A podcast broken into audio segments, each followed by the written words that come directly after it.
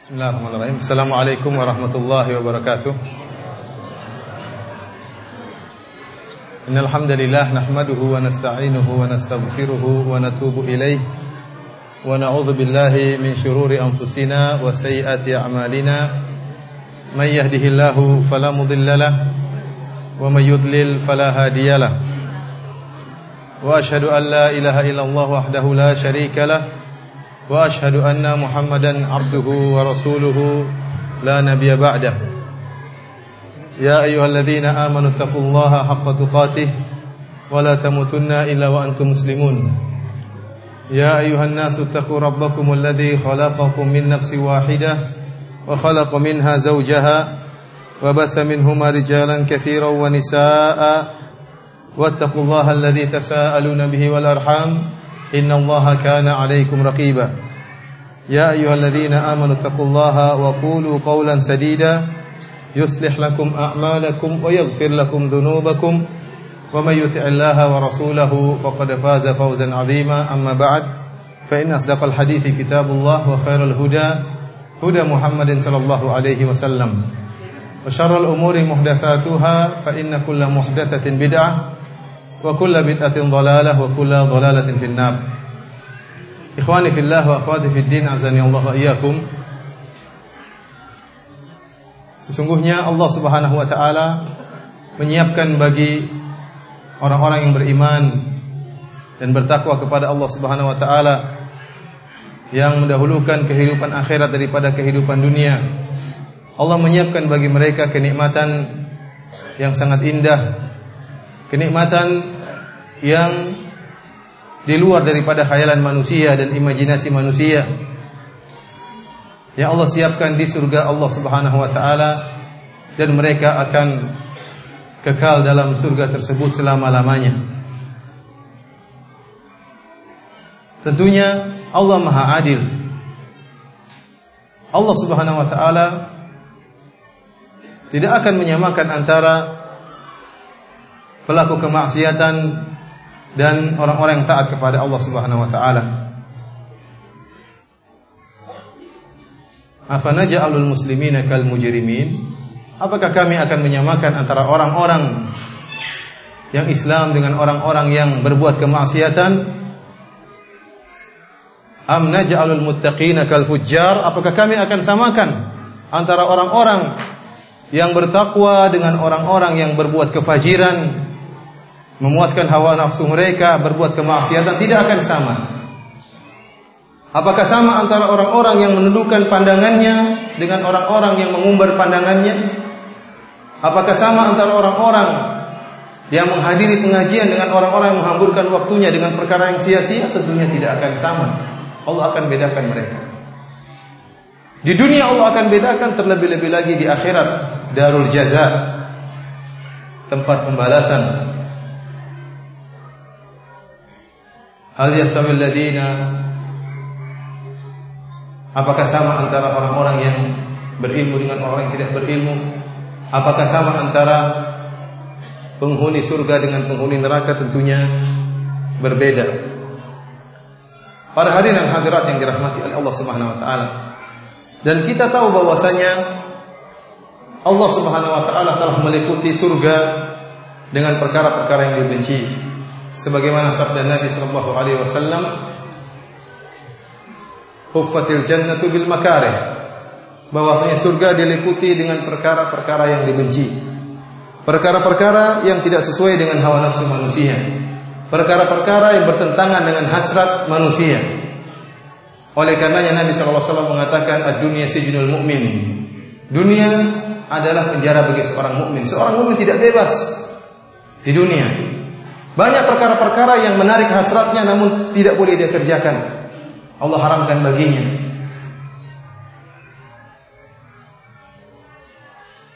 Oleh karenanya Rasulullah sallallahu alaihi wasallam pernah bersabda dalam satu hadis, "Man labisal harira fid dunya lam yalbasu fil akhirah." Barang siapa yang di dunia memakai pakaian sutra bagi lelaki, maka dia tidak akan memakainya di akhirat kelak. Wa man syaribal khamra fid dunya lam yashrabha fil akhirah. Barang siapa yang minum bir di dunia, dia tidak akan minum bir di akhirat. Wa man syariba fi aniyati dhahabi wal fiddati lam yashrab biha fil akhirah. Barang siapa yang di dunia minum dengan bejana terbuat dari emas dan perak maka dia tidak akan minum dengan bejana tersebut di akhirat. Summa qal kemudian Nabi sallallahu alaihi wasallam berkata bersabda libasu ahli jannah wa syarabu ahli jannah wa aniyatu ahli jannah. Karena itu adalah pakaian penghuni surga dan minuman penghuni surga dan bejana penghuni surga. Tidak boleh seorang kemudian menggunakannya sekarang. Allah khususkan bagi penghuni surga. Allah haramkan bagi mereka di dunia. Barang siapa ya, yang menahan dirinya dari hawa nafsunya wa nahan nafsa 'anil hawa fa innal jannata hiyal ma'wa maka tempat kembalinya adalah di surga. Adapun seorang yang kemudian hidup di dunia ini tidak terikat dengan aturan Allah Subhanahu wa taala, bebas melakukan apa yang diinginkan, bebas memuaskan hawa nafsunya, maka tempat kembalinya adalah di neraka jahanam. Allah tidak akan sama samakan antara orang yang bertakwa dengan orang-orang yang tidak bertakwa. Ikhwani fillah akhwati fiddin azani Allah iyakum. Pada kesempatan yang berbahagia ini kita akan membahas tentang sifat-sifat surga dan juga sifat-sifat penghuni surga. Tentunya pembahasan ini sangat penting. Kenapa? Karena dengan mengetahui sifat-sifat surga akan motivasi kita untuk beramal soleh. Dan demikianlah di antara metode Allah Subhanahu wa taala dan metode Rasulullah sallallahu alaihi wasallam dalam memotivasi hamba-hamba Allah untuk bertakwa kepada Allah Subhanahu wa taala. Allah iming-imingkan surga. Rasulullah sallallahu alaihi wasallam iming-imingkan surga. Oleh karenanya kita dapati doa para anbiya, para nabi-nabi Allah Subhanahu wa taala, mereka minta surga. Waj'alni min warathati jannatin na'im, kata Nabi Ibrahim, ya Allah jadikan aku termasuk pewaris surga yang abadi. Di antara doa Nabi sallallahu alaihi wasallam, "Rabbana atina fid dunya hasanah wa fil akhirati hasanah wa qina adzabannar." Ya Allah, ya. Anugerahkanlah kepada kami kehidupan yang baik di dunia dan di akhirat, di akhirat surga. Allahumma inna as'alukal jannah Rasulullah SAW mengatakan, Ya Allah, aku minta kepada engkau surga. Dan demikianlah doa para sahabat. Tujuan mereka, cita-cita mereka adalah surga. Karena demikianlah Allah Subhanahu Wa Taala mengiming-imingkan mereka dengan surga. Dan Allah ingatkan bahwasanya kehidupan dunia ini hanyalah sementara. Jangan terpedaya dengan indahnya dan gemerlapnya dunia. Meskipun dunia itu sangat indah dan sangat manis. Sebagaimana sabda Nabi Shallallahu Alaihi Wasallam, dunia itu apa? Hulwatun khadirah Dunia itu manis dan hijau. Pemandangannya indah dan rasanya manis dan itu memang hakikat dunia. Dan manusia memang secara fitrah senang dengan dunia. Barang siapa yang sudah merasakan manisnya dunia, dia akan terpedaya dengan dunia tersebut. Akan tapi Allah ingatkan bahwasanya dunia hanyalah senda gurau. Hanyalah burur, laib, hanyalah permainan dan senda gurau. Kenikmatan yang sementara dan hilang dengan begitu cepatnya.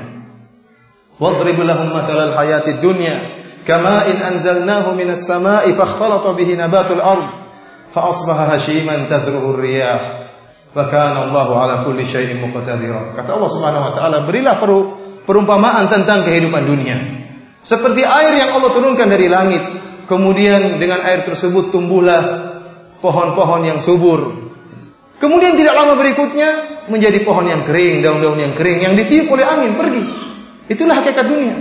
Memang indah, memang hijau, memang manis, tetapi ya tidak abadi. Oleh karenanya kalau kita perhatikan antara kenikmatan dunia dengan kenikmatan akhirat, maka tentunya tidak bisa dibandingkan terlalu jauh antara kenikmatan dunia dengan kenikmatan akhirat. Di antaranya bahwasanya kenikmatan dunia sedikit sebagaimana firman Allah Subhanahu wa taala kul mata'ud dunya qalil wal akhiratu khairul liman ittaqa katakanlah bahwasanya perhiasan dunia sedikit kata Allah Subhanahu wa taala sedikit qalil sedikit Adapun akhirat khairun liman ittaqa lebih baik dari kepada bagi orang-orang yang bertakwa kepada Allah Subhanahu wa taala. Dalam satu hadis Rasulullah sallallahu alaihi wasallam bersabda, "Wallahi mad dunya fil akhirah illa mithlu ma yaj'al ahadukum usbu'ahu hadhihi Wa asyara bis sababah fil yammi falyanzur bima tarji'. Kata Nabi SAW, demi Allah, tidaklah perumpamaan dunia dengan akhirat kecuali sebagaimana salah seorang dari kalian memasukkan jarinya. Rasulullah SAW kemudian berisyarat dengan jari telunjuknya.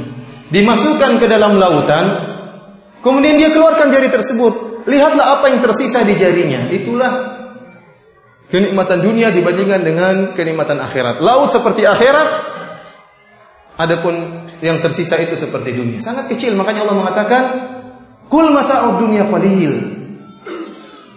Keindahan manisnya dunia yang kita lihat ini hanya sedikit sekali di sisi Allah Subhanahu wa taala. Tidak bisa dibandingkan dengan akhirat. Oleh karena dalam ayat yang lain Allah mencela orang-orang yang mendahulukan kehidupan dunia daripada kehidupan akhirat. Yang ridho dengan kehidupan dunia, Allah celah mereka. Kata Allah Subhanahu wa taala, "Araditum bil hayatid dunya minal akhirah?" Apakah kalian ridho dengan kehidupan dunia dan melupakan akhirat? Fama mata'ul hayatid dunya fil akhirati illa qalil. Sungguhnya perhiasan dunia, kesenangan dunia dibandingkan dengan akhirat kecuali sedikit. Tidak ada nilainya dibandingkan dengan akhirat. Kemudian di antara perbandingan antara kenikmatan dunia dengan kenikmatan akhirat bahwasanya dari sisi jenis maka jenis kenikmatan akhirat jauh lebih mulia daripada jenis kenikmatan dunia. Oleh karena terlalu banyak hadis di mana Rasulullah SAW menyatakan bahwasanya melakukan amalan ini lebih baik daripada dunia dan seisinya. Contohnya dalam satu hadis kata Rasulullah SAW, "Maudhi'u sauti fi sautin fil jannah khairun minad dunya wa ma fiha." Tempat untuk meletakkan cambuk ya, untuk mencambuk hewan supaya jalan di akhirat di surga tempatnya doang bukan cambuknya. Lebih baik daripada dunia dan seisinya.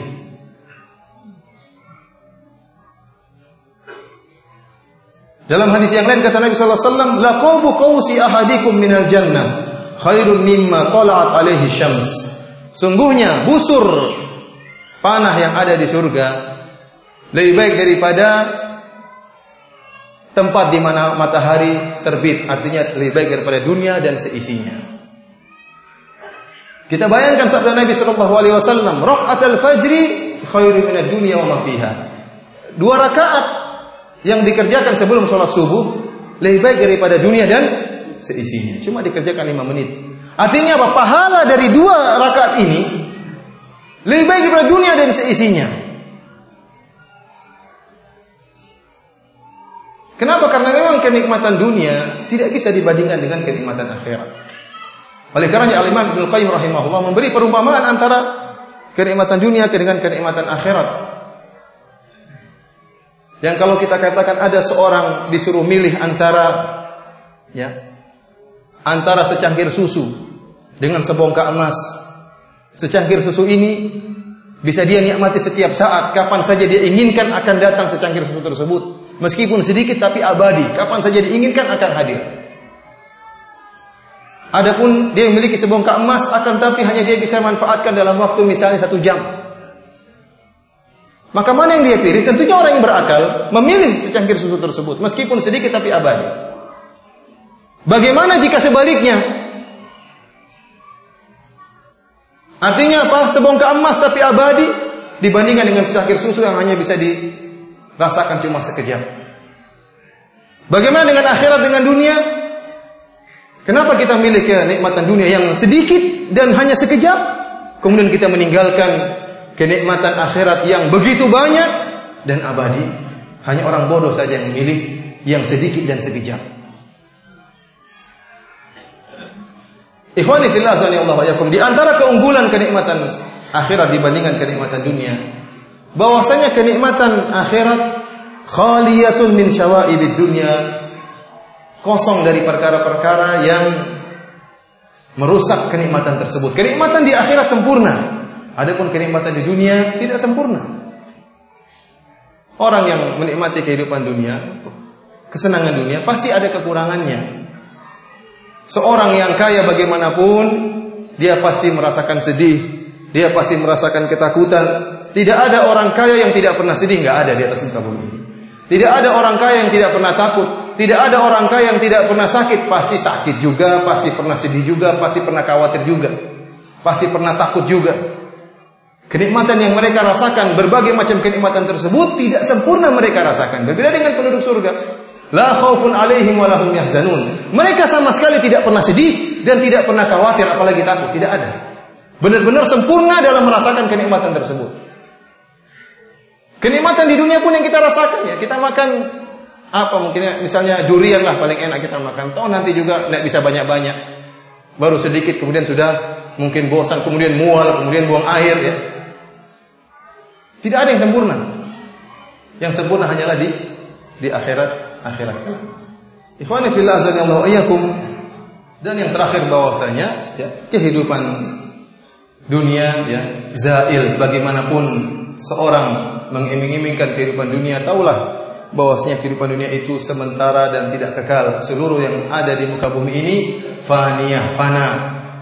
Adapun surga, kenikmatan surga akan kekal. Kata Allah Subhanahu wa taala, "Ma indakum yanfadu wa ma indallahi baq." Apa yang kalian miliki ya, akan hilang, akan habis. Adapun apa yang ada di sisi Allah Subhanahu wa taala akan kekal abadi. Oleh karenanya jangan sampai kita terpedaya dengan dunia, beramal solehlah. Jadikanlah dunia ini sebagai sarana untuk mencapai akhirat. Abu Bakar At-Turtusi rahimahullah pernah berkata, "Inna lillahi ibadan futana talaqud dunya wa khawful fitana." Sungguhnya di antara hamba-hamba Allah ada hamba-hamba Allah yang cerdas, yang cerdik, yang pandai. Talaqud dunya wa khawful fitana mereka menceraikan dunia dan mereka takut dengan fitnah-fitnah yang ada di dunia. Fitnah yang begitu banyak. Nadaru fiha falamma alimu annaha laysat lihayyin watana. Mereka mengamati tentang dunia. Setelah mereka mengamati, mereka sadar bahwasanya dunia itu bukanlah tempat peristirahatan yang terakhir, bukan. Ja'aluha lujjatan wattakhadhu salihal a'mali fiha subuna. Maka mereka menjadikan dunia itu seperti ombak dan mereka menjadikan amalan soleh sebagai perahu yang akan menyelamatkan mereka sampai tujuan. Mereka harus melewati lautan tersebut. Kita semua harus melewati dunia. Akan tapi dunia itu berisi dengan fitnah. Kita jadikan sarana dan kita jadikan amalan soleh sebagai benteng kita untuk bisa menyelamatkan kita ke negeri akhirat. Ikhwani fil akhwati fid azanillahu yakum. Pada kesempatan yang berbahagia ini, kita akan berbicara tentang kenikmatan yang ada di surga. Akan tapi sebelum kita berbicara tentang kenikmatan yang ada di surga, saya ingin menceritakan tentang orang terakhir yang masuk surga. Agar bisa terbayangkan bagaimana tentang para penghuni surga yang lebih darinya. Kita tahu bahwasanya akidah Ahlussunnah wal Jamaah seorang yang bertauhid meskipun dia bergelimang dengan dosa, namun dia tidak melakukan kekufuran dan tidak mati di atas kesyirikan, bagaimanapun dia diadab di neraka jahanam, maka dia akan dikeluarkan dari neraka jahanam kemudian dimasukkan dalam surga Allah Subhanahu wa taala. Dan mereka-mereka ini dikenal dalam hadis disebut dengan jahannamiyun. Itu ahli jahannam yang dicuci oleh Allah Subhanahu wa taala, kemudian dikeluarkan oleh Allah dari neraka jahanam mendapatkan syafaat, kemudian masuk dalam surga Allah Subhanahu wa taala. Di antara mereka ada orang yang paling terakhir masuk surga. Dan Rasulullah SAW meriwayatkan banyak diriwayatkan dari Nabi SAW banyak hadis tentang kenikmatan yang diraih oleh orang yang paling terakhir masuk surga. Dalam hadis yang diriwayatkan oleh Abdullah bin Mas'ud radhiyallahu taala anhu, Rasulullah SAW bersabda, "Inni la a'lamu akhir ahli nar khurujan minha." Sungguh aku mengetahui orang yang paling terakhir keluar dari neraka.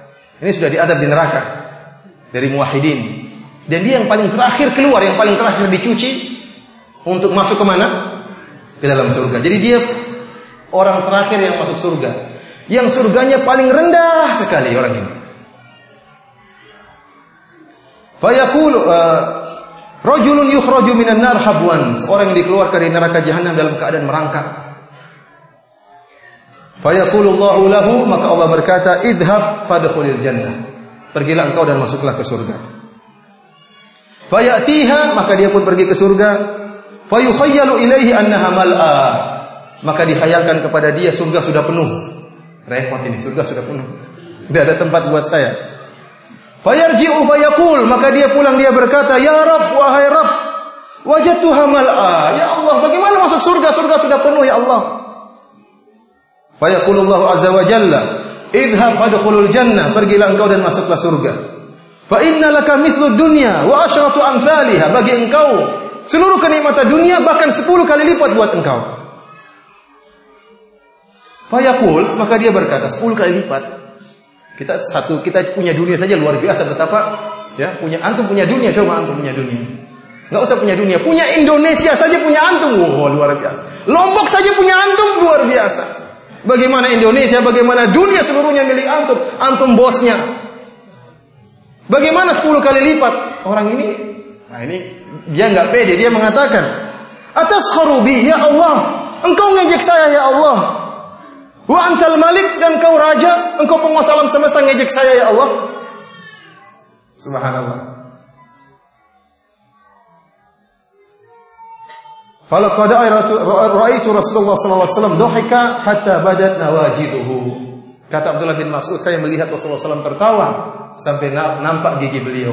Kalau mengisahkan tentang orang ini mati, ya Allah kamu ngejek saya, kamu kan Tuhan, masa ngejek saya ya Allah? Ininya begitu. Dan Allah masukkan dia ke dalam surga Allah Subhanahu Wa Taala. Dalam hadis yang lebih lain, yang, yang riwayat yang lebih panjang,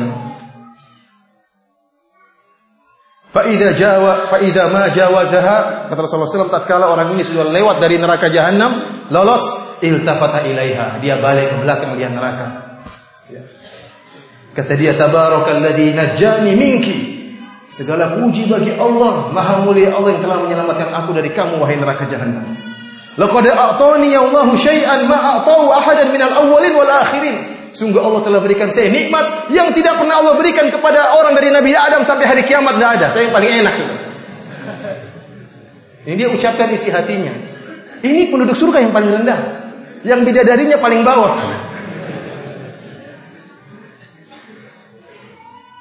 Fatur faulahu syajara. Maka dinampakkan bagi dia sebuah pohon. Fayaqulu ya Rabbi. Maka dia dia katakan wahai Rabb. Adinini min hadis syajara. Fala astadhillu bi dhilliha. Ya Allah. Dia lihat pohon. Allah sengaja tampakkan pohon. Kata dia Allah biarkan saya bernaung di bawah naungan pohon tersebut ya Allah. Wa ashrabu min ma'iha dan biarkan saya minum dari air yang mengalir dari pohon tersebut. Fa yaqulu azza wa jalla Allah berkata, "Ya bani Adam, la'alli in a'taitukaha sa'altani ghairaha." Wahai anak Adam, mungkin kalau saya kasih engkau, dekatkan engkau, membuat engkau bernaung di bawah pohon itu dan minum airnya, kamu akan minta yang lain. Kata dia, "La ya Rabb, tidak. Cukup itu saja ya Allah." wa yu'ahiduhu alla yas'alahu ghairaha dan dia berjanji kepada Allah saya tidak akan minta yang lain.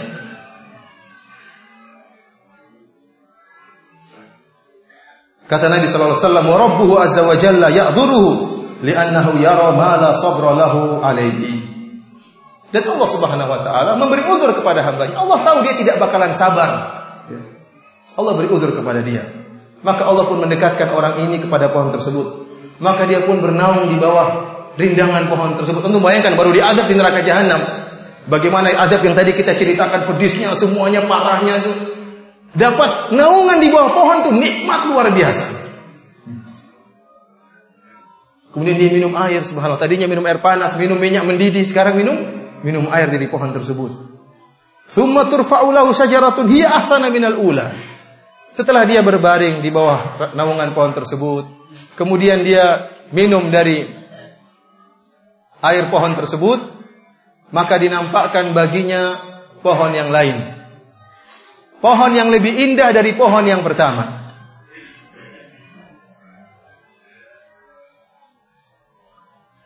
Maka dia berkata, "Adinini min hadhihi li ashraba min ma'iha."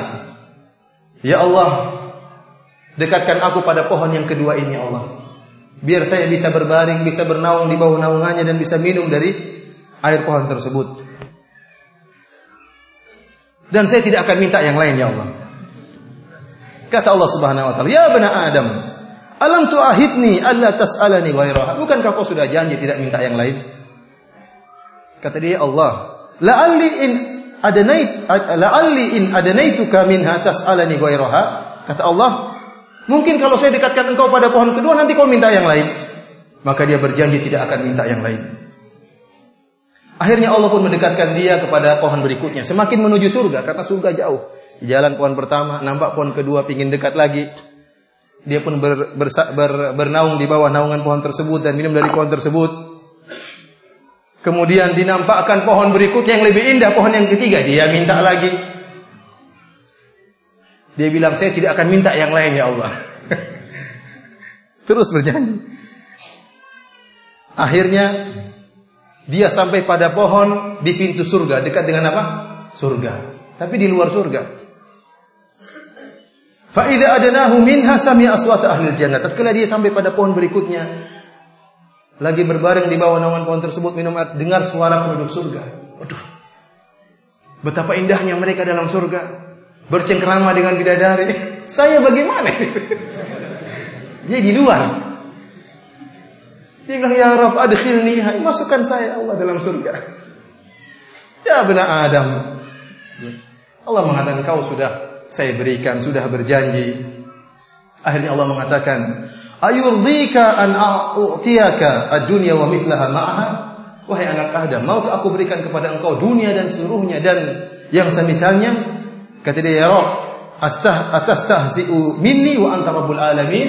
Ya Allah, apakah kau ngejek sama saya? sementara engkau Tuhan ya Allah. Fadhahika Ibnu Mas'ud. Maka Ibnu Mas'ud Ibnu Mas'ud pun tertawa. Dan Ibnu Mas'ud berkata, "Ala tas'aluni mimma adhab?" Ibnu Mas'ud berkata kepada para sahabatnya, "Kenapa kalian tidak bertanya kenapa saya tertawa?" Faqalu mimma tabhak? Kenapa engkau tertawa Ibnu Mas'ud? Qala hakadha dhahika Rasulullah sallallahu alaihi wasallam. Demikianlah Rasulullah sallam pernah tertawa. Faqalu mimma tadhak ya Rasulullah?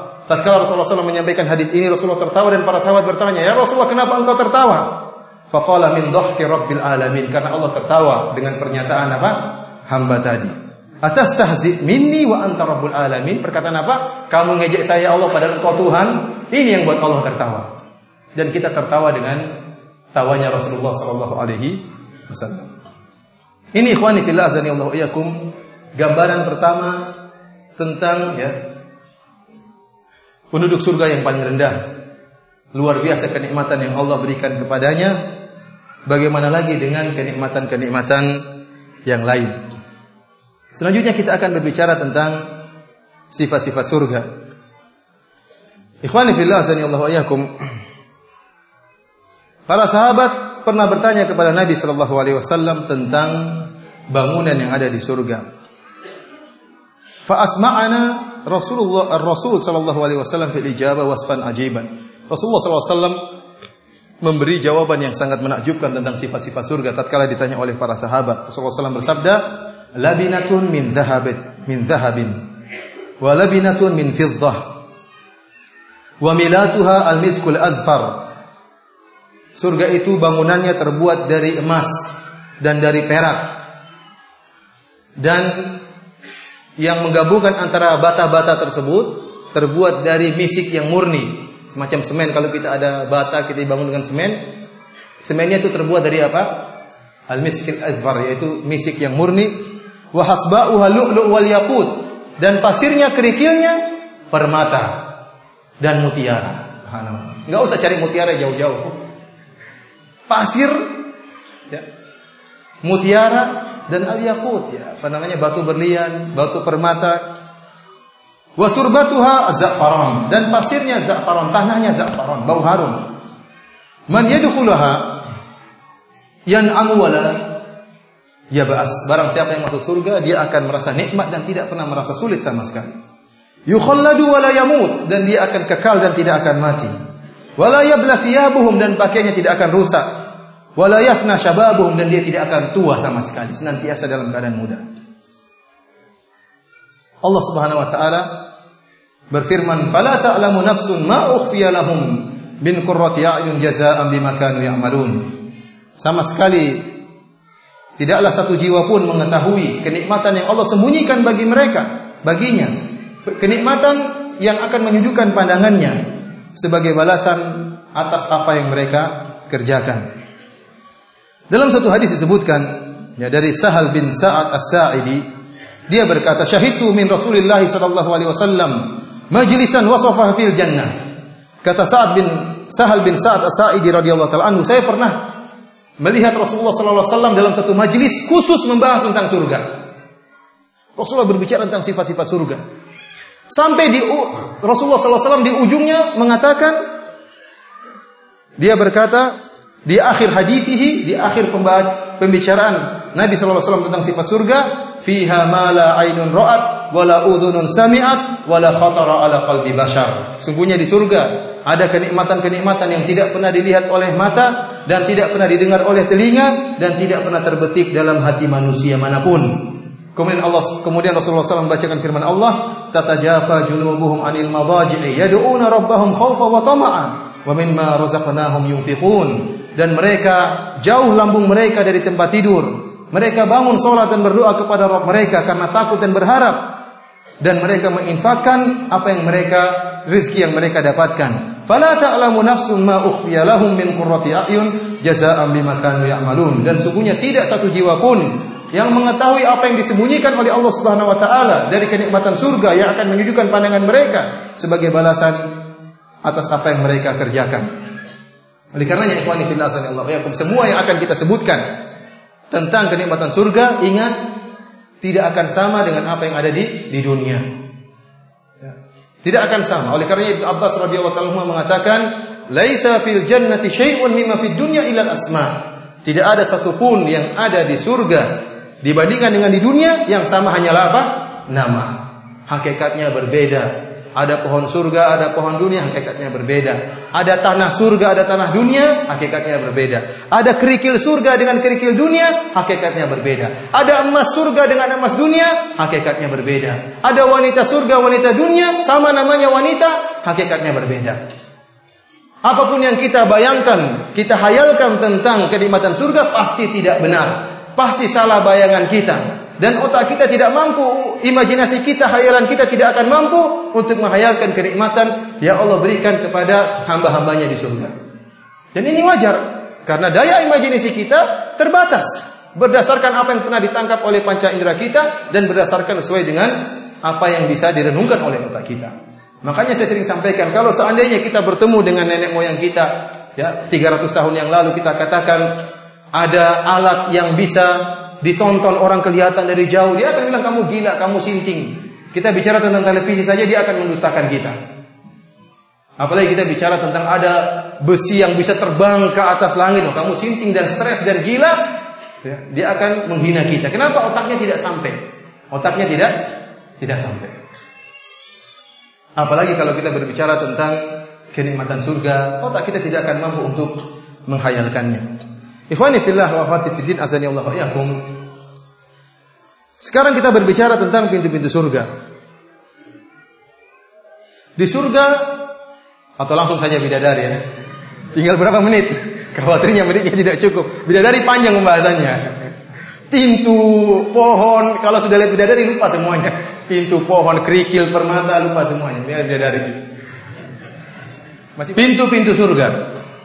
Di surga ada delapan pintu. Kalau neraka laha sab'atu abwabin ada tujuh pintu. Adapun di surga ada delapan pintu. Kata Allah Subhanahu wa taala, "Jannati adnin mufattahatan lahumul abwab." Surga-surga Adan yang kekal abadi yang terbuka pintu-pintunya. Dalam ayat yang lain, "Wal malaikatu yadkhuluna 'alaihim min kulli bab." Dan malaikat-malaikat yang masuk kepada mereka menemui para penghuni surga, mereka masuk dari segala pintu. Salamun alaikum bima sabartum fa ni'ma uqbaddar. Kata para malaikat, keselamatan atas kalian karena kesabaran kalian. Kalian masuk surga. Dalam ayat yang lain, tatkala penghuni surga masuk ke dalam surga, maka disambut oleh para malaikat yang menyambut para malaikat. Allah Subhanahu wa taala berfirman, "Hatta idza ja'uha wa futihat abwabuha." Sampai tatkala mereka datang masuk ke dalam menuju surga. Wa futihat abwabuha kemudian dibukakanlah pintu-pintu surga. Wa qala lahum khazanatuha salamun alaikum tibtum fadkhuluha khalidun. Fadkhuluha khalidin. Maka penjaga surga berkata kepada mereka menyambut mereka keselamatan atas kalian. Sungguh kalian baik. Silahkan kalian masuk ke dalam surga. Kekal abadi di dalamnya. Dalam satu hadis Rasulullah SAW bersabda fil jannati thamaniyatu abwab. Di surga ada delapan pintu babun minha yusamma rayyan. Di antaranya ada sebuah pintu yang namanya rayyan. La yadkhuluhu illa shaimun tidak ada yang masuk dari pintu tersebut kecuali orang-orang yang berpuasa dalam hadis yang lain Rasulullah SAW bersabda, hadis Abu Hurairah, "Man anfaqa zawjaini fi sabilillah min malihi, du'iya min abwabil jannah, walil jannati thamaniyatu abwab." Kata Nabi SAW, barang siapa yang infakkan dua perkara, maka di jalan Allah Subhanahu wa taala dari hartanya, maka dia akan dipanggil dari pintu-pintu surga. Para ulama mengatakan dua perkara ini bisa jadi misalnya emas dan perak, bisa jadi misalnya uh, uh, misalnya dua onta, pokoknya dua perkara yang digunakan untuk di jalan Allah Subhanahu wa taala maka dipanggil dari pintu-pintu surga delapan pintu. Faman kana min ahli salat du'iya min babi salat. Kata Nabi sallallahu alaihi barang siapa yang rajin salat, ya, salatnya lebih dominan daripada ibadah-ibadahnya yang lain, maka dia akan dipanggil dari pintu salat. Wa man kana min ahli sedekah, barang siapa yang rajin bersedekah, dia salat, dia puasa tapi sedekahnya sangat nampak daripada ibadah yang lain maka dia akan dipanggil dari pintu sedekah.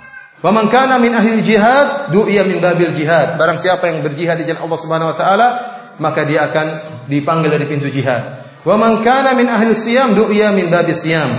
Barang siapa yang selalu berpuasa, maka dia akan dipanggil dari pintu puasa. Abu Bakar radhiyallahu taala anhu tatkala mendengar sabda Nabi wasallam dia berkata, "Wallahi ma ala ahadin min dhararin du'iya min ayyiha du'iya, fahal yud'a minha kulluha ahadun ya Rasulullah. Kata Abu Bakar radhiyallahu taala anhu, tentu tidak ada masalah kalau seorang dipanggil dari seluruh pintu. Apakah ada orang yang dipanggil dari seluruh pintu? Dari pintu mana saja dia dipanggil? Kata Nabi wasallam, "Na'am, wa arju an takuna minhum." Dan saya harapkan engkau termasuk mereka yang dipanggil dari semua semua pintu. Oleh karenanya Abu Hurairah, Abu Bakar radhiyallahu taala pernah ditanya Rasulullah SAW pernah bertanya, Siapa di antara kalian yang hari ini memberi makan kepada fakir miskin? Kata Abu Bakar, saya ya Rasulullah. Siapa di antara kalian pada hari ini membantu orang lain? Kata Abu Bakar, saya Rasulullah. Siapa yang di, di antara kalian pada hari ini mengunjungi orang sakit? Kata Abu Bakar, saya Rasulullah. Siapa di antara kalian pada hari ini mengantar jenazah? Kata Abu Bakar, saya Rasulullah. Subhanallah. Dalam satu hari Abu Bakar radhiyallahu anhu banyak amalan solehnya. Maka pantas jika Nabi sallallahu alaihi wasallam mengatakan dia akan dipanggil dari seluruh pintu-pintu surga. Di surga ada sungai-sungai. Sebagaimana Allah sebutkan dalam banyak ayat dalam Al-Qur'an. Wa basyiril ladzina amanu wa amilus solihati anna lahum jannatin tajri min anhar. Dan berilah kabar gembira kepada orang-orang yang beriman dan beramal saleh.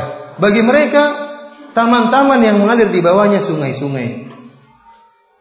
Dalam ayat yang lain kata Allah Subhanahu wa taala, "Ulaika lahum jannatu adnin tajri min tahtihimul anhar." Bagi mereka taman-taman adan, surga-surga adan yang kekal abadi yang mengalir di bawahnya sungai-sungai. Dalam ayat yang lain Allah Subhanahu wa taala menceritakan tentang model-model sungai yang ada di surga. Kata Allah Subhanahu wa taala, "Matsalul jannati allati wa'idal muttaqun, fiha anharun min ma'in ghairi asin." Sungguhnya surga yang Allah siapkan bagi orang-orang yang bertakwa. Dalam surga tersebut ada sungai-sungai dari air ya yang tidak pernah berubah rasanya. Wa anharum min labanin lam yataghayyar ta'mu. Demikian juga di sungai-sungai yang isinya susu yang tidak pernah berubah rasanya ya. Tidak jadi busuk, tidak jadi bau kecut, tidak. Isi-isinya susu dan tidak pernah berubah rasanya. Wa anharun min khamrin ladzatin lisyaribin dan sungai-sungai yang isinya bir ya. Wa anharun min asalin musaffa, sungai-sungai yang isinya adalah madu yang murni. Bayangkan antum masuk dalam sungai madu, antum berenang. Bayangkan antum masuk dalam sungai khamar, minum khamar terus. Menyelam sambil minum khamar tidak jadi masalah, subhanallah. Antum di sini kena kotoran banyak sungai. Beda antara sungai dunia dengan sungai akhirat. Khamarnya berbeda dengan khamar dunia. Susunya berbeda dengan susu dunia. Madunya berbeda dengan madu madu dunia. Apalagi Allah sediakan dalam bentuk sungai-sungai. Di sungai di surga ada mata air mata air. Banyak mata air yang memancarkan air-air yang yang enak untuk diminum. Allah Subhanahu wa taala, "Innal muttaqina fi jannati wa uyun." Sungguhnya orang-orang yang bertakwa bagi mereka surga-surga dan mata air-mata air. Di antaranya Allah berfirman, "Fihi ma ainani tajriyan." Sungguhnya di kedua surga tersebut ada dua mata air yang yang mengalir. Allah menyebutkan nama-nama mata air tersebut. Di antaranya ada yang mata air namanya kafur. Kata Allah Subhanahu wa taala, "Innal abrara yashrabuna min ka'sin kana mizajuha kafura." Aina yashrabu biha? Sungguhnya orang-orang yang baik mereka akan minum dari khamar yang campurannya kafura. Khamar tersebut dicampur dengan kafura. Apa itu kafura? Aina yashrabu biha ibadullah yufajjiru yufajjiru naha tafjira. Yaitu mata air yang hamba-hamba Allah minum darinya dan mengeluarkan air. Mata air tersebut mengalirkan air-air. Ada namanya kafura. Ada yang namanya tasnim, mata air tersebut. Innal abrara lafi na'im 'alal araiki yanzurun. Ta'rifu fi wujuhim nadratan na'im yusqawna min rahiqin makhtum.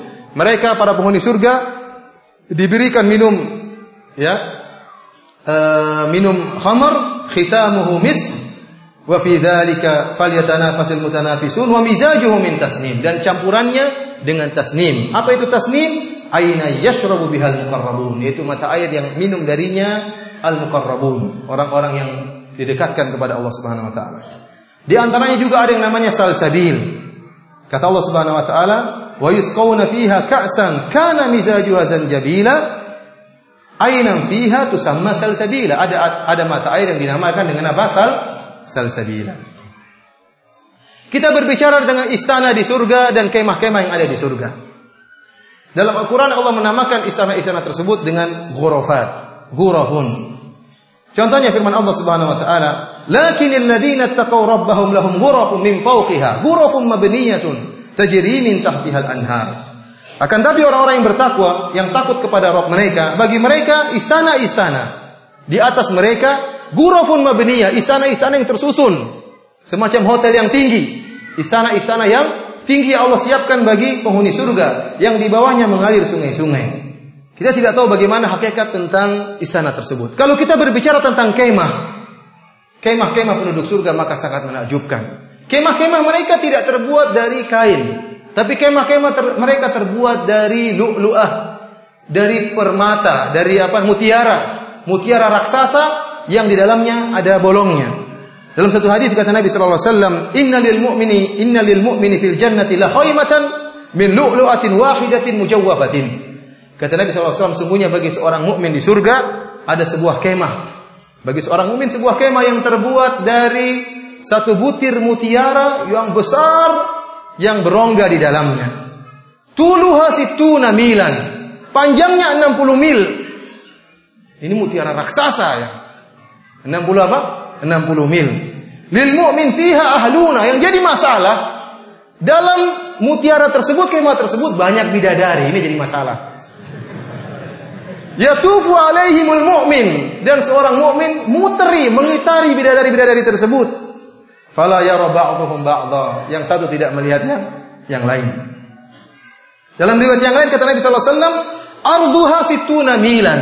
Lebarnya 60 apa? 60 mil. Fi kulli zawiyatin minha ahlun. Setiap pojoknya ada bidadari. Ini bikin masalah. Ada bidadari. Setiap pojoknya berapa pojok situ nggak tahu Allah alam. Allah musta'an. Dan di antaranya sebuah kemah yang pernah di atau sebuah rumah yang terbuat dari mutiara yang pernah dijanjikan oleh Allah Subhanahu wa taala kepada Khadijah radhiyallahu taala anha. Suatu saat Ata kata Abu Hurairah, ata Jibrilun Nabi sallallahu alaihi wasallam faqala. Jibril pernah datang menemui Rasulullah SAW di rumahnya Khadijah dan Khadijah lagi di luar rumah. Kata Jibril alaihissalam, Ya Rasulullah, hati Khadijatun qad atat ma'aha ina'un fihi idam wa ta'am. Wahai Rasulullah, Khadijah akan datang menemuimu dan dia sedang membawa sebuah tempayan atau sebuah uh, apa namanya panci yang isinya idam atau makanan, ya kuah daging atau makanan. Fa idza hiya atatka faqra 'alaiha salam min rabbiha wa minni. Kalau Khadijah datang menemui engkau wahai Rasulullah, sampaikan salam Allah kepada Khadijah dan salamku kepada Khadijah radhiyallahu anha. Wa basyirha bi baitin fil jannah min qasabin la sahaba fihi wa la nasab. dan sampaikan kabar gembira kepada Khadijah tentang suatu rumah di surga yang tidak ada suara teriak-teriakan dalam rumah tersebut dan tidak ada yang terbuat dari mutiara yang tidak ada teriak-teriak dalam rumah tersebut dan tidak ada rasa letih dalam rumah tersebut. Jadi Khadijah pernah dijanjikan dengan rumah yang terbuat dari mutiara oleh Allah Subhanahu wa taala. Di antaranya juga Qasr istana yang dijanjikan oleh Allah bagi Umar bin Khattab radhiyallahu taala anhu. Dalam satu hadis Rasulullah SAW mengatakan saya masuk ke dalam surga. Wa ra'aitu qasran bi fana'ihi jariyah. Saya melihat ada sebuah istana dengan pelatarannya ada sungai yang mengalir. Fakultu liman hada, maka kata Rasulullah saya bertanya, ini istananya siapa? Faqalu li Umar bin Khattab. Maka mereka berkata, mungkin malaikat-malaikat di surga, ini istananya Umar bin Khattab radhiyallahu anhu. Fa aradtu an adkhulahu fa anzur ilaihi fa dzakartu ghairataka. Kata Rasulullah kepada Umar, saya ingin masuk dalam istana tersebut, tapi saya enggak enak sama kamu Umar. Saya tahu kamu tuh saya enggak enak sama kamu. Ya, kamu mungkin cemburu kata Nabi sallallahu alaihi wasallam. Faqala Umar, Bi abi anta wa ummi ya Rasulullah alaika aghar. Wahai Rasulullah, apakah saya cemburu kepada engkau? Artinya Umar mengatakan, silakan masuk. Kenapa enggak masuk? Lihat-lihat terus kabarkan saya. Tapi Rasulullah tidak masuk, cuma dari luar saja lihatnya. Ikhwani fil azan ya Allah yakum. Di antara kenikmatan surga adalah rihul jannah. Surga itu bukan kosong melompong begini tapi menebarkan bau yang semerbak, bau yang indah. Bahkan baunya surga itu tercium dari jarak sekian-sekian perjalanan. Rasulullah SAW bersabda, Man qatala rajulan min ahli dhimmah, lam yajid rihal jannah. Barang siapa yang bunuh seorang kafir dari ahlu dhimmah, kafir dhimmi, dia tidak akan mencium bau bau surga. Wa inna rihaha la yujada la yujadu min masirati sab'ina aman. Dan sesungguhnya bau surga itu bisa tercium dari jarak 70 tahun perjalanan. 70 ribu eh, 70 tahun perjalanan. Sampai-sampai disebutin dalam banyak hadis. Terkadang bau surga tersebut bisa dicium oleh penduduk dunia tatkala dia akan masuk surga. Tatkala dia akan meninggal dalam keadaan ya husnul khatimah sebagaimana Anas bin Nadhr radhiyallahu taala anhu yang tatkala terjadi peristiwa perang Uhud kemudian dikabarkan Nabi wasallam sudah meninggal sebagian sahabat tatkala itu mundur ada yang di antara mereka kembali ke Madinah. Ada di antara mereka duduk melemparkan pedangnya. Anas bin Nadhr mengatakan, "Kenapa kalian duduk?" Kata mereka, "Buat apa kami berperang sementara Muhammad sallallahu alaihi wasallam sudah meninggal dunia?" Kata Anas bin Nadhr, "La in kutila Muhammadun, kalau Muhammad sudah meninggal, farabbu Muhammad, maka Rabbnya Muhammad tidak akan meninggal." Maka dia pun berperang dan dia mengatakan, "Inni la ajidu rihal jannah min kibali Uhud." Sungguh saya mencium bau surga dari arah Uhud. Maka dia berperang dan berperang sehingga terbunuh dan ditemukan 80 lebih bekas tusukan tombak dan panah dan pedang dalam tubuhnya tersayat-sayat sampai tidak dikenal siapa dia. Yang kenal uhtunya, saudari perempuannya, mengetahui bahwasanya ini adalah mayatnya Anas bin Nadhr karena melihat jarinya. Dia masih ingat jari kakak saya atau jari saudara saya. Terkadang bau surga bisa dicium oleh orang-orang yang akan merasakan husnul khatimah sebagai kabar gembira bagi bagi mereka. Sekarang kita berbicara tentang pohon surga. Masih lama ya pohon surga. Bidadari belakangan. Asjarul jannah, pohon surga. Allah mengatakan innalil muttaqina mafazan hadaiqa wa a'naba. Bagi orang-orang yang bertakwa kebun-kebun dan apa? Eh, pohon-pohon buah-buahan anggur dan yang lainnya. Fiha fakihatun wa nahlun wa rumman. Dalam surga tersebut ada buah-buahan. Ya. Allah tidak sebutkan nama buah-buahan tersebut karena ada buah-buahan yang tidak ada di dunia. Ada buah yang sama dengan buah dunia, ada buah-buahan yang Allah sediakan yang antum belum pernah lihat. Yang tidak pernah terbayangkan oleh antum. Wa nahlun dan ada korma-korma wa rumman dan ada juga buah delima di di surga. Allah Subhanahu wa taala berfirman menjelaskan tentang jenis pohon yang paling yang kurang bagus di dunia. Tapi pohon tersebut di akhirat indah. Kata Allah Subhanahu wa taala, "Wa ashabul yamin ma ashabul yamin." Dan golongan kanan yaitu penghuni surga, penghuni surga, penghuni surga. Ma ashabul yamin? Bagaimana kondisi mereka wahai ya penghuni surga? Bagaimana kondisi mereka? Fi sidrin makhdud. Sungguhnya mereka berada di pohon sidr yang tidak ada durinya sama sekali. Wa talhin mamdud dan mereka berada yaitu mendapatkan buah-buahan dari pohon tolah. Wa dhillim mamdud dan mereka bernaung di uh, naungan pohon yang dipanjangkan oleh Allah Subhanahu wa taala. Wa ma'im maskub dan mereka mendapatkan air yang dituangkan bagi mereka. Wa fakihatin katsirah dan buah-buahan yang sangat sangat banyak. Dalam ayat ini Allah Subhanahu wa taala menyebutkan jenis buah-buahan yang di dunia ya kurang bernilai ya. Contohnya pohon sidr. Pohon sidr di dunia pohon sidr di dunia pohon yang berduri dan buahnya kecil ya, kurang dimanfaatkan. Namun kata Allah di akhirat fi sidri makhlud, pohonnya berbuah dan tidak ada durinya. Ini menunjukkan meskipun namanya sama, hakikatnya apa? Berbeda. Contohnya juga Allah Subhanahu wa taala mengatakan wa talhin mamdud, yaitu buah dari pohon talah. Pohon talah adalah pohon di Jaziratul Arab yang tidak memiliki buah. Pohon yang isinya duri dan digunakan pohon itu pohon berduri dan hanya digunakan oleh orang-orang Arab untuk bernaung di bawah rindangan pohon tersebut. Ternyata di akhirat kelak pohon tersebut berbuah. Wa mamdud. Al-Imam Ibnu Katsir rahimahullah menyebutkan bahwasanya kalau pohon yang seperti ini yang di dunia berduri ternyata di akhirat tidak berduri, yang di dunia tidak berbuah ternyata di akhirat berbuah, bagaimana lagi dengan pohon-pohon yang di dunia sudah berbuah? Seperti anggur, kemudian korma yang di dunia sudah berbuah. Tentu lebih indah lagi tatkala di di akhirat. Bagaimana lagi dengan pohon-pohon yang Allah tidak sebutkan nama-namanya? Kata Allah, wa hatin katsira. Dan buah-buah yang banyak yang kita tidak tahu isi buah-buah tersebut. Allah mengatakan wa mamdud dan naungan pohon yang dipanjangkan oleh Allah Subhanahu wa taala.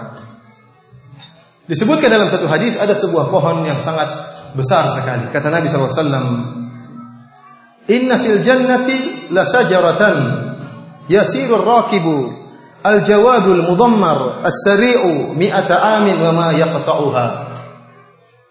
Ada pohon yang sangat panjang naungannya, dhillim mamdud. Naungannya sangat panjang. Yang seorang kalau naik kendaraan yang cepat, yang dikhususkan disediakan untuk bisa berjalan cepat selama 100 tahun, dia tak tidak akan bisa sampai pada ujung pohon tersebut. Oleh karenanya tentu berbeda antara pohon surga dengan pohon akhirat. Di antara perbedaannya juga disebutkan oleh Nabi sallallahu alaihi wasallam Ma fil jannati syajaratun illa wasaquha min dahabin. Kata Nabi sallallahu tidak ada satu pohon pun di surga kecuali batangnya terbuat dari emas. Kemudian di antara keistimewaan pohon surga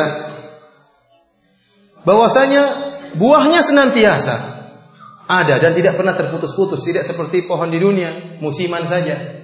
Ada musim ini, musim anu, tidak tersedia sedia setiap saat. Berbeda dengan pohon-pohon di surga. Kata Allah Subhanahu wa taala, "Ukuluha daimun." Sungguhnya makanan dari pohon-pohon tersebut daim senantiasa ada. Wa fakihatin katsiratin la maqtu'atin wa la mamnu'ah. Kata Allah Subhanahu wa taala dan buah-buahan yang banyak beraneka ragam. La maqtu'atin tidak pernah terputus buah-buah tersebut, selalu ada. Wala mamnu'ah dan tidak sulit untuk diambil, tidak seperti pohon durian harus naik ke atas, bisa jadi jatuh lagi naik. Enggak, pohon-pohon itu gampang antum tinggal panggil, ambil, mudah. Tidak ada istilah kejatuhan durian tidak ada di surga. Karena mudah untuk diambil, tidak perlu naik ke atas. Oleh karenanya dari sini kita sadar ternyata tatkala Allah mengatakan surga-surga, taman-taman, Allah sering mengatakan bagi orang yang bertakwa taman-taman di surga. Mungkin ada orang mengatakan buat apa taman? Nggak ada faedahnya taman. Ini taman buat apa taman? Kita bilang jadi masalah bagaimana hakikat taman tersebut dan apa yang ada di dalam taman tersebut. Ini jadi masalah. Ada apa dalam taman tersebut apa? Bida, bidadari. Oleh karenanya mempersingkat waktu kita bicara tentang bidadari. Ikhwani fillah. Allah Subhanahu wa taala menyebutkan tentang kesibukan penghuni surga. Apakah kesibukan mereka? Allah Subhanahu wa taala berfirman, Inna ashabal jannati al-yawma fi syughulin fakihun hum wa azwajuhum 'alal araiki fi fil zilali 'alal araiki muttaqiun. Kata Allah Subhanahu wa taala sungguhnya penghuni surga pada hari tersebut yaitu tatkala mereka di surga. Fi syughulin fakihun, mereka sedang sibuk bersenang-senang. Sibuk dengan siapa? Dengan istri-istri mereka. Hum wa azwajuhum fi dhilalin 'alal araiki muttaqiun. Dengan istri-istri mereka di atas tempat tidur-tempat tidur mereka bertelekan. Sepakat ahlu tafsir dari kalangan para sahabat dan juga dari kalangan tabi'in. Mereka menyatakan bahwasanya kesibukan penduduk penduduk surga tatkala itu iftidadul abkar yaitu memecahkan keperawanan para bidadari. Ternyata ini kesibukan mereka. Mohon maaf ini pembicaraan 17 tahun ke atas. Mau dilanjutkan atau diberhentikan?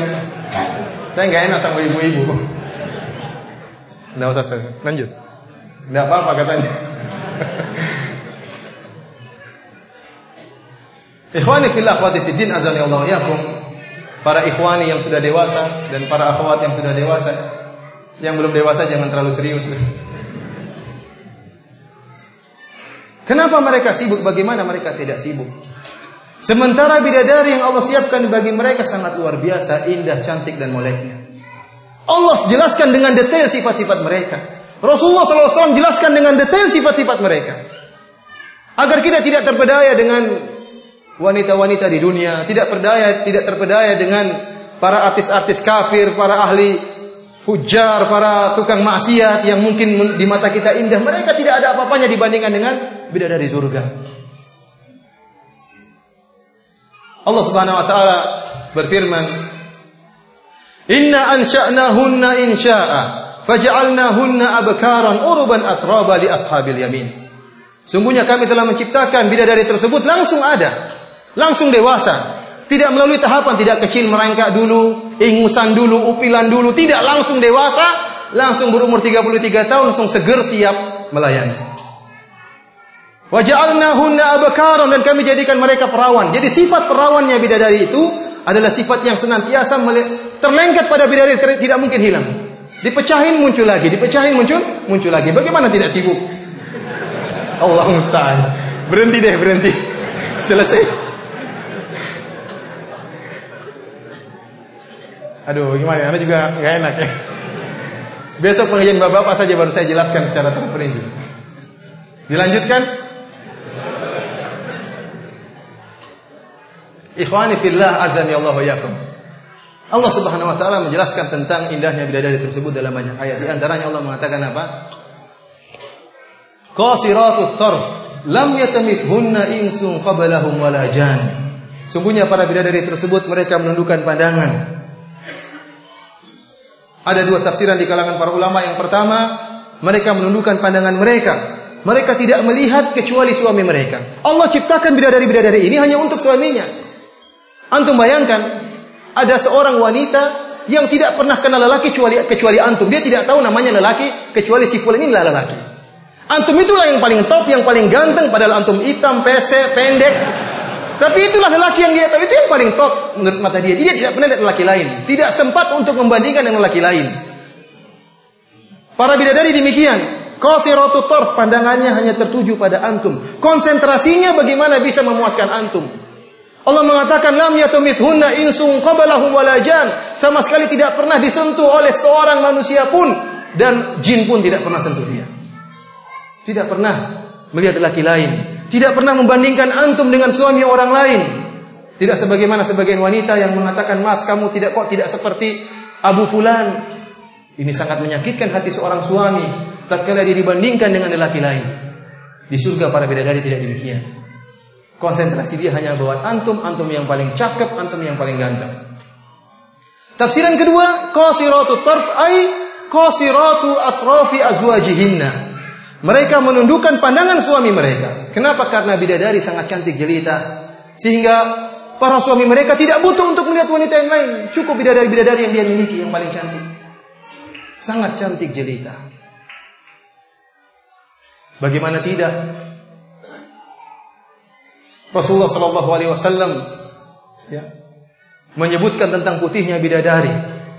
Allah Subhanahu Wa Taala juga menyebutkan tentang putihnya bidadari. Dalam ayat Allah mengatakan ka'annahunna bidun maknun. Seakan-akan mereka adalah telur yang disimpan, yang putih. Dalam ayat yang lain kata Allah Subhanahu wa taala ka'amsali lu'lu'il maknun. Seperti mutiara yang tersimpan dalam cangkangnya. Antum tahu mutiara yang putih dalam cangkangnya? Tidak ada sinar matahari yang mengganggu, tidak ada kotoran yang masuk dalam cangkang tersebut putihnya bersih, tidak terkontaminasi dengan kotoran apa pun. Antum yang buka, antum yang ambil, antum yang merasakannya. Putihnya luar biasa. Allah mengatakan, "Ka'annahunnal yaqut wal marjan." Para bidadari tersebut ya, seperti al-yaqut, seperti permata yang bening. Wal marjan dan seperti mutiara-mutiara yang sangat putih. Disamakan dengan al-yaqut seperti batu intan di sisi dari sisi beningnya bidadari tersebut. Dan disamakan dengan al-marjan, dengan lu'lu'ah, dengan mutiara dari sisi putihnya bidadari tersebut. Bidadari putih dan bening. Sampai-sampai Nabi Shallallahu alaihi wasallam menyatakan dalam satu hadis, "Kabiduha mir'atuhu." Hati bidadari tersebut bisa menjadi cermin bagi wajah suaminya. Kita nggak tahu bagaimana ini, bagaimana bidadari ini. Luar biasa cantiknya. Nabi SAW mengatakan, ya bahwasanya sumsum bidadari lamu khusuqiha yura min warai lahmiha minal husn. Bahwasanya sumsum betis bidadari tersebut terlihat di balik daging bidadari tersebut kata Nabi minal husn karena cantiknya. Karena kalau orang cuma dengar sumsumnya kelihatan wah ngeri sekali bidadari enggak Rasulullah untuk menghilangkan bayangan kita karena kita pasti salah paham, salah bayangan minal husn kata Nabi karena saking cantiknya itu. Nabi Shallallahu Alaihi Wasallam mengatakan, la bayadu saqiha bayadu saqiha la yura min wara'i sab'ina hullah atau kama qala Nabi sallallahu alaihi wasallam. Sesungguhnya putihnya betis bidadari, putihnya betis bidadari terlihat di balik 70 gaun yang dipakai bidadari tersebut. Antum bayangkan antum ketemu bidadari, dia pakai 70 gaun menutup tubuhnya, tapi putihnya udah kelihatan dari luar. Antum semangat untuk buka gaun tersebut. Mana putihnya sudah kelihatan dari luar. Allah musta'an. Bagaimana antum tidak sibuk dengan dia? Allah Subhanahu wa taala menyebutkan tentang buah dada bidadari. Kata Allah Subhanahu wa taala wa kawaiba atraba. Buah dada mereka kawaib, nawahid. Kata para ahli tafsir nawahid itu tegak berdiri taka'abat wa tafallakat. Apa artinya itu? Mau tahu artinya? Artinya dia, aduh repot juga. Artinya bundernya dari dua sisi, dari begini dan begininya. Selesai. Allah musta'an. Ikhwani fillah azani Allah wa iyyakum. Oleh karenanya Nabi sallallahu alaihi wasallam menceritakan tentang cantiknya bidadari kata Nabi sallallahu alaihi wasallam. Lau tala'at imra'atun min ahli jannah ila al-ard. Kalau seandainya ada seorang wanita surga nongol di dunia, la mala'at la adha'at ma bainahuma, maka akan ya menyinari apa yang ada di langit dan di bumi. Artinya bumi ini kalau di malam hari lampunya mati, muncul bidadari, teranglah bumi ini. Bulan gak ada, tidak apa-apa. Bidadari sudah cukup untuk menyinari apa? Bumi ini. Dari timur sampai barat, dari Sabang sampai Merauke. Terang semuanya. Ini bagaimana bidadari ini? Wajahnya seperti apa? Wa mala'at ma. Bahkan bukan cuma itu, dia akan menebarkan bau yang semerbak antara langit dan bumi, bau yang semerbak, bau yang sangat harum. Kemudian kata Nabi SAW, wala nasifuha ala ra'siha khairu minad dunya wa ma. Dan kerudung yang ada di atas kepalanya lebih baik daripada dunia dan seisinya. Ya ikhwan, kerudungnya lebih baik daripada dunia dan seisinya. Antum kalau kumpulkan seluruh wanita cantik di dunia dikumpulkan, antum bandingkan dengan kerudung bidadari ini semua dibuang, nggak ada, nggak ada, nggak ada bandingannya dengan apa? Kerudungnya. Mau artis tercantik, mau siapa tercantik dengan kerudung nggak ada apa-apanya. Dikumpulkan seluruh wanita cantik di dunia, digabungkan kecantikannya, kalah dengan apa? Kerudungnya bidadari. Bagaimana dengan hidungnya? Bagaimana dengan pipinya? Bagaimana dengan bibirnya? Luar biasa. Para bidadari disucikan oleh Allah Subhanahu wa taala. Wa azwajun mutahharah kata Allah Subhanahu wa taala dan istri-istri yang disucikan oleh Allah Subhanahu wa taala bersih. Tidak ada haidnya, tidak ada upilnya, tidak ada tai matanya, tidak ada dakinya, tidak ada bau keteknya, bersih semuanya. Sampai-sampai Ibnu Abbas radhiyallahu taala berkata, "Inna rajula inna rajula min ahli jannah la yu'aniq imra'atan min huril 'ain 70 sanah la yamalluha wa la tamalluhu." Seorang lelaki dari penghuni surga akan memeluk seorang wanita dari bidadari Selama 70 tahun dia tidak bosan. Dia tidak bosan dengan dengan perempuan tersebut dan bidadari tersebut tidak bosan dengan dia. Bayangkan 70 tahun dia dia peluk. Kenapa? Karena bersih. Antum coba peluk wanita 6 jam. Antum capek, kepanasan, bau keringat, bau iler, semuanya tergabung. 6 jam antum peluk nggak enak. Hanya 5 menit pertama, 10 menit pertama, satu jam berikutnya sudah terserah Anda. Tapi kalau bidadari 70 tahun tidak bosan jadi ikhwan luar biasa ya. para bidadari tersebut. Sekarang antum masuk dalam surga misalnya, ada orang masuk surga. Masuk dalam kemah tadi ternyata ada 100 bidadari menanti. Karena Rasulullah SAW mengatakan inna rajulu inna rajula min ahli jannah la yasilu ila mi'ati adra. Bisa jadi seorang penghuni surga di surga dalam satu hari dia bisa berhubungan dengan 100 bidadari. Antum begitu masuk ada 70 bidadari menanti. Sama saya aja dulu, saya dulu rebut-rebutan antum. Wahai Abu Fulan. Ya ikhwan, subhanallah. Semuanya di luar khayalan kita ya. Tentunya bidadari merupakan makhluk yang Allah sediakan yang hanya Allah sediakan bagi orang-orang yang bertakwa kepada Allah, yang orang-orang yang menundukkan pandangannya, yang menjaga kemaluannya dari perbuatan yang diharamkan oleh Allah Subhanahu wa taala. Dan semoga Allah Subhanahu wa taala memasukkan kita ke dalam surganya dan menjaga kita ya, dari hal-hal yang diharamkan oleh Allah Subhanahu wa taala. E, demikian saja, e, semoga kita bisa dipertemukan oleh Allah pada kesempatan yang lain. Wabillahi taufik wal hidayah. Assalamualaikum warahmatullahi wabarakatuh.